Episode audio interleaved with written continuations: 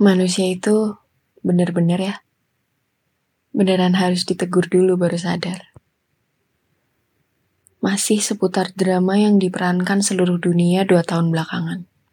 Pandemi virus. Rasanya belum afdol kalau belum kena sendiri. Manusia butuh kehilangan untuk bisa memaknai nilai sesuatu. Sesimpel indera penciuman. Rasanya sepele banget sebelum hilang. Mengeluh kenapa ee kucingku bau banget. Sekarang aku mau kok ke catroom tanpa masker. Ku nikmati aromanya asal hidungku normal lagi.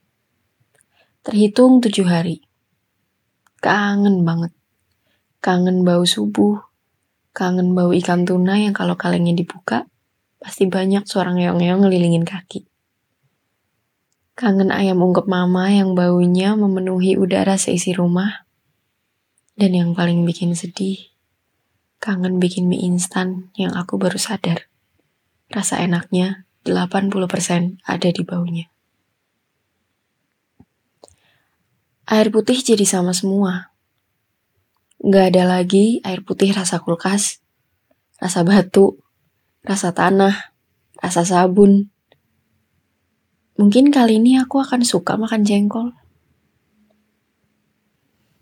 Orang-orang dengan nasib hidung yang sama berusaha mengembalikan penciumannya. Terapi air garam, minyak kayu putih, sampai peralatan medis. Jadi, ini cara Tuhan ngasih tahu kalau banyak banget hal yang harus disyukuri.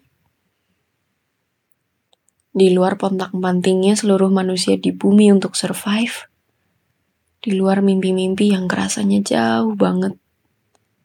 Di luar ujian-ujian kecil seperti yang sekarang dijalanin. Manusia cuma boleh menyerah satu kali. Kalau waktunya udah habis.